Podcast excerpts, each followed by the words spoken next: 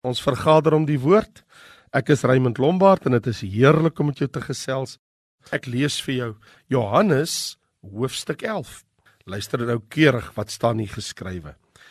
En daar was 'n man siek, Lazarus van Betanië, die dorp van Maria en haar suster Martha.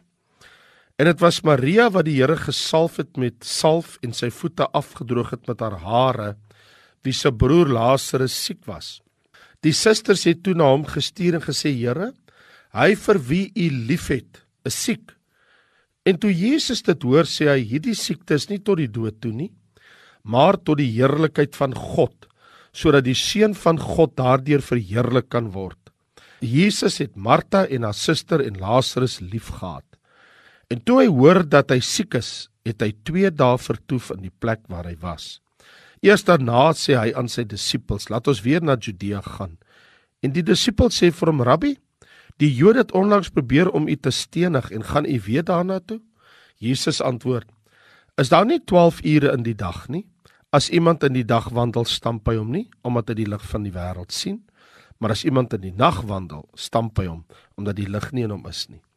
Dit het hy gespreek en daarna sê hy vir hulle: "Lazarus, ons vriend slaap." Maar ek gaan hom om wakker te maak. Die disipels sê vir hom: "Here, as hy slaap, sal hy gesond word." Maar Jesus het gespreek van sy dood terwyl hulle gedink het dat hy van die rus van die slaap spreek. En toe sê Jesus vir hulle ronduit: "Lazarus is dood. En ek is bly om julle ontwil dat ek nie daar was nie, sodat julle kan glo, maar laat ons na hom toe gaan." En Thomas wat Didimus genoem word, sê vir sy mede-disippels: "Laat ons ook gaan om saam met hom te sterwe." Toe Jesus dan gekom het, het hy gevind dat hy al 4 dae in die graf was. En Betanië was naby Jerusalem, omtrent 2 myl daarvandaan. En baie van die Jode het al by Martha en Maria gekom om hulle oor hulle broer te troos. En toe Martha hoor dat Jesus kom, het sy hom tegemoet gegaan, maar Maria het in die huis bly sit. En Martha sê vir Jesus: "Here, as U hier gewees het, sou my broer nie gesterf het nie." Maar selfs nou weet ek dat alles wat u van God vra, God u sal gee. Jesus sê vir haar: "Jou broer sal opstaan." Martha antwoord hom: "Ek weet dat hy sal opstaan in die opstanding in die laaste dag." Jesus sê vir haar: "Ek is die opstanding en die lewe. Wie in my glo sal lewe al het hy ook gesterwe. En elkeen wat lewe en in my glo sal nooit sterwe tot in ewigheid nie." Glo jy dit? Sy antwoord hom: "Ja, Here." Ek glo dat U die Christus is, die seun van God wat in die wêreld sou kom. Nadat sy dit gesê het, gaan sy en roep Maria, haar suster, stilletjies en sê: "Die Meester is hier en hy roep jou." Sy het toe sy dit hoor, vinnig opgestaan en na hom gegaan. En Jesus was nog nie in die dorp nie. Hy het nog nie daar gekom nie, maar hy was op die plek waar Martha hom tegemoet gegaan het. En toe die Jode wat by haar in die huis was wat haar getroos het, sien dat Maria vinnig opstaan en uitgaan, het hulle gevolg en gesê sy gaan na die graf om daar te ween. En toe Maria kom waar Jesus was en hom sien, val sy aan sy voete neer en sê vir hom: "Here, as U hier gewees het, sou my broer nie gesterf het nie." Jesus toe haar dan sien ween en die Jode wat saam met haar gekom het ook sien ween, het hy geweldig bewoog geword in sy gees en hom ontstel en gesê waar het julle hom neergelê? En hulle sê vir hom Here kom kyk Jesus het geween. Die Jode sê toe kyk hoe lief hy hom gehad het. En sommige sê kon hy wat die oë van die blinde man geopen het nie maak dat hierdie man ook nie gesterf het nie? En Jesus het weer in homself geweldig bewoog geword en by die graf gekom. En dit was 'n spilonk en 'n steen het daarteen gelê. Jesus sê: "Neem die steen weg." Martha, die suster van die oorledene, sê vir hom: "Here, hy ruik al. Hy is al 4 dae dood." Jesus sê vir haar: "Het ek nie vir jou gesê as jy glo sal jy die heerlikheid van God sien nie?" Hulle neem toe die steen weg waar die oorledene lê En Jesus het sy oë opgeslaan en gesê: "Vader, ek dank U dat U my verhoor het. En ek het geweet dat U my altyd verhoor. Maar ter wille van die skare wat rondom staan, het ek dit gesê, sodat hulle kan glo dat U my gestuur het. En nadat hy dit gesê het, het hy met 'n groot stem geroep: Lazarus, kom uit! En die oorledene het uitgekom aan die hande en voete met grafdoeke gebind en sy gesig was toegedraai met 'n doek. Jesus sê vir hulle: "Maak hom los en laat hom gaan." Baie van die Jode wat na Maria gekom het en aanskouers was van wat Jesus gedoen het, het in hom geglo. Wat 'n gedeelte uit God se woord. Die Here is nooit te laat nie. Reg Lazarus? Ek is so dankbaar dat jy ingeskakel het want ek wil met jou praat oor die gedagte die Here is nooit te laat nie. Reg Lazarus? Want jy sien ons behoort mos hierdie vraag eintlik aan Lazarus te vra. Onthou dat Johannes wat hierdie evangelie geskryf het en hierdie wonderwerk aangeteken het as die klimaks van alle wonderwerke wat Jesus in sy aardse bediening gedoen het. Onthou, Jesus het ander mense uit die dood voorheen, het hy ander mense uit die dood opgewek. Maar Lazarus was al in die graf vir 4 dae en hy ryk al.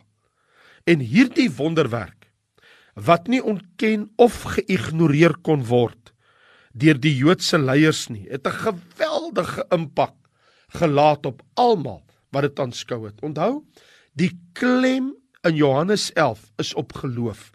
Jesus wil ons geloof versterk. Wat ons vind die woord geloof in sy verskillende forme hier in Johannes en hierdie gedeelte wat ek tot nou toe gelees het, nie eens verder nie, net tot waar ek gelees het, ten minste 8 keer in verband met Lazarus en sy opwekking uit die dood. Natuurlik kon ek met jou oor 'n ander tema ook gepraat het oor die heerlikheid van God wat ons sien in vers 4 en vers 40. Maar 'n noukeurige beskouing van Johannes hoofstuk 11 van hierdie gebeurtenis van Lazarus se opstanding uit die dood uit het tot gevolg gehad dat drie groepe mense se geloof versterk was. Die eerste groep is Jesus se eie disippels. Onthou, in hierdie teksgedeelte in hierdie eerste gedeelte, die eerste 16 verse, sien ons Jesus met sy eie disippels.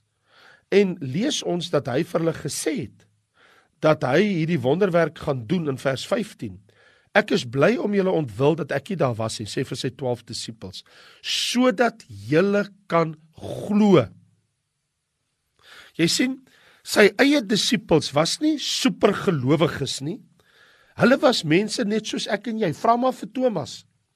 Thomas het vir die disippels gesê met die opstanningsdag: "As ek nie Jesus self met my twee oë sien en my hand in sy sy steek en my vinger in die merke van die waar die van sy hande gekruisig was, sal ek nooit glo nie." En jy sien Jesus se eie disippels het ook maar gedurende geval. Maar Jesus het voortdurend daarna gesoek om hulle geloof te versterk. Na alles Hy is daar weg van die kruis. Hy gaan binnekort hulle verlaat en dit gaan hulle verantwoordelikheid wees om die bediening van Jesus voort te sit sonder hom. Indien hulle geloof swak is, sal hulle werk ook swak wees. Indien hulle geloof sterk is, sal wat hulle doen ook sterk wees. So Jesus versterk hulle geloof deur wat hy beplan om nou te gaan doen daar by Lazarus in die graf. Indien ons eendag vir die reis na Lazarus toelaat, dan het die gebeure min of meer as volg verloop. Ek wil net vir jou 'n eh, kan ek maar die woord gebruik 'n rundown gee oor presies hoe dit verloop het. Dag 1 'n boodskapper bereik Jesus om vir hom te vertel dat Lazarus is baie baie ernstig siek en die twee susters het hom gestuur. Min weet hy die boodskapper dat Lazarus se dieselfde dag nadat hy vertrek het reeds afgesterwe. Dag 2 die boodskapper keer nou terug na Betanië uit Judea uit. Dag 3 breek aan. Jesus wag nog een dag en dan vertrek hy om soontoe te gaan. Dag 4 arriveer Jesus in Betanië. Wat ons lees mos Die susters het mos hom in vers 3 gestuur: Here, hy vir wie u liefhet, is siek. In vers 6 hoor ons hy het nog 2 dae vertoef. In vers 17 lees ons toe Jesus kom in die dorp waar Lazarus begrawe is, toe vind hy dat hy al 4 dae dood was. So Jesus in die 3 dae voor Lazarus se opwekking bemoedig sy disippels om sy woord te glo. Maak nie saak vriende en ten spyte van die ontmoedigende omstandighede rondom my en jou soms of selfs in Lazarus se geval blyk dit te wees bly net glo. Vers 11 sê ek gaan hom om wakker te maak. Vers 15 sê ek was bly ek was nie daar nie dat jy kan glo. Vers 25 sê wie in my glo sal lewe al het hy ook gesterwe en elkeen wat lewe en in my glo. Dit gaan hier oor geloof vir sy disippels. Natuurlik kon die disippels nog sou baie vrae geopper het in hulle eie gemoed. En sekerlik het hulle hulle eie vrae gehad. Byvoorbeeld, as Jesus so lief vir Lazarus was, waarom het hy toegelaat dat Lazarus siek geword het in die eerste plek? Of hoekom het Jesus nie dadelik gegaan toe hy hoor Lazarus is siek nie? Hoekom het hy nog 2 dae gewag?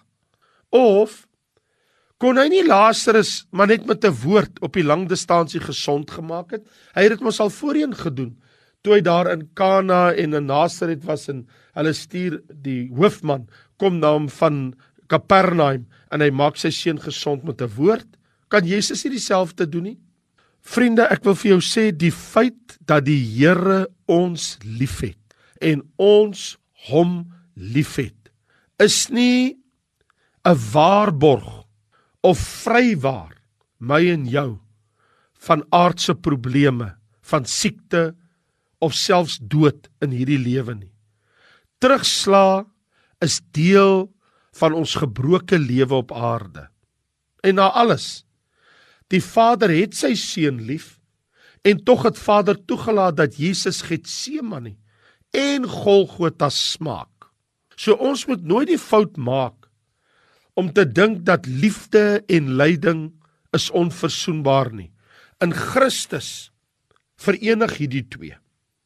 Want jy sien dit gaan nie vir die Here daaroor dat ek en jy as kinders van God as Christene gemaklik is. Dis die heerlikheid van God wat op die spel is in ons lewe. Sy heerlikheid, sy glorie is baie meer belangriker as my en jou gemak met hierdie lewe. You know, I'm talking about the comfort zone that we live in. Dis nie vir die Here so belangrik nie. Die heerlikheid van God is baie meer belangrik. Nou wat Jesus betref, Die feit dat Lazarus al 4 dae dood is, gee groter autentiteit tot die wonderwerk en 'n groter geleentheid vir sy disippels om te glo. Daarom sy woorde aan hulle. Ek is bly om julle ontwil dat ek nie daar was toe Lazarus gesterf het sodat julle kan glo. Maar kom, laat ons nou na hom toe gaan. Dit sien ons in vers 15. Dus Die wonderwerk wat Jesus nou gaan doen was juis om sy disippels in hulle geloof te versterk. Hulle geloof te versterk dat hy die seun van God is. Maar nou het ek vir jou gesê daar's drie groepe, hier's 'n tweede groep. En dis die twee susters, Martha en Maria. En Jesus was nie net besorg oor sy 12 disippels se geloof nie, maar hy was ook besorg oor die geloof van sy vriende van Martha en Maria. Daarom sou jy ook in Jesus se woorde kan aflei toe hy in vers 26 vir Martha sê Elkeen wat lewe en in my glo sal nooit sterwe tot in ewigheid nie. Martha, glo jy dit? En in vers 40 sê Jesus vir Maria en vir Martha: "Het ek nie vir jou gesê as jy glo, sal jy die heerlikheid van God sien nie?" So ons se Here, hy wil ons bring deur die ervarings en beproewinge en lyding van hierdie lewe om ook ons geloof te versterk. Want jy sien geloof groei nie van self outomaties nie, maar soos ons reageer op die bediening van die woord en die gees in ons lewe, word ons geloof opgebou en versterk. Vriende, ek stel dit aan jou dat niemand het nog ooit gesterwe in die teenwoordigheid van die Here Jesus Christus nie. Hoor jy wat ek sê? Niemand het nog ooit in sy teenwoordigheid gesterf nie. Jy kan nie in sy teenwoordigheid sterwe nie, want hy is die lewe. En Martha is gou om haar geloof te bevestig in Jesus. Toe sy vir hom sê in vers 22: "Selfs nou weet ek dat alles wat u van God vra, hy vir u sal gee." En in vers 27 herhaal sy dit. Sy sê: "Ja, Here, ek glo dat u die Christus is, die seun van God wat tot die wêreld sou kom." En hier gebruik sy drie titels vir Jesus. Ek glo dat U die Here is, you are my Lord. Ek glo dat U die Christus is, you are the Messiah, en ek glo dat U die seun van God is. En haar suster Maria, die bevestig ook dat sy glo. Toe sy in vers 32 vir die Here sê, Here, as U was, my broer sou dan nooit gesterf het nie.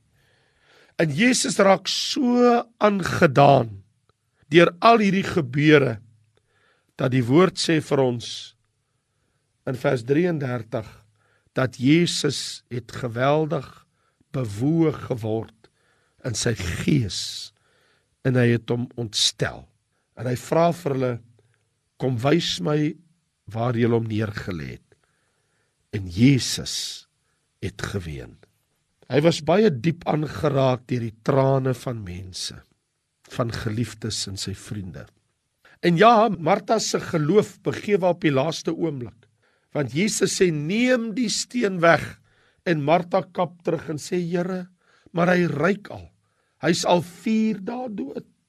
Maar Jesus moedig Martha aan om te bly glo ten spyte van al die omstandighede.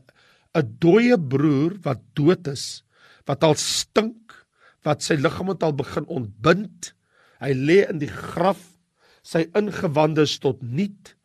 Jesus sê, "Het ek nie vir jou gesê as jy glo, sal jy die heerlikheid van God sien nie?" Want jy sien ware geloof vertrou op God se beloftes en dan stel dit God se krag vry. Martha glo en willig in en die steen word weggerol voor die opening van die spilong. Maar dis nie al nie. Toe Jesus op daai oomblik wil Lazarus opwek, toe sal nog een groep mense wat hy wil laat glo. Want ons lees in vers 41 toe hulle die steen wegneem. Toe slaan Jesus sy oë op en hy bid. En hy sê vir sy Vader, ek dank U en ek weet dat U my altyd verhoor. Maar ter wille van hierdie skare wat rondom staan, nie sy disippels nie, nie sy vriende nie, hierdie skare mense, hierdie ongelowige skare Jode, het ek dit gesê sodat hulle kan glo dat U my gestuur het. En hier is die derde groep. Hierdie Jode. Nie net gaan sy disippels hierdie wonderwerk aanskou, nie net gaan sy vriende dit aanskou, maar ook hierdie groep ongelowige Jode wat gekom het om Maria te troos en vir Martha. In Johannes wat hierdie evangelie neergepen het, laat nou die klem val op hierdie groep se geloof. Want die geloof van die skare Joodse toeskouers iets goddelik het daar gebeur. Want dit is mos nou die mense wat gekom het wat die familie geken het en vir die dogters of die twee susters wou troos na die afsterwe van hulle geliefde broer Lazarus. En Jesus bid en hy sê vir sy Vader, ek weet U verhoor my. Maar nou bid hy, hy sê ek bid vir hierdie ongelowige skare toe skouers dat hulle mag glo Vader dat U my na hierdie wêreld toe gestuur het. En met 'n groot stem roep hy: Lazarus, kom uit! En uit die begraafplaas, uit daai spilonk uit, En gewoonlik kan 'n spilong tot en met 8 liggame van mense. Ek was baie in Israel.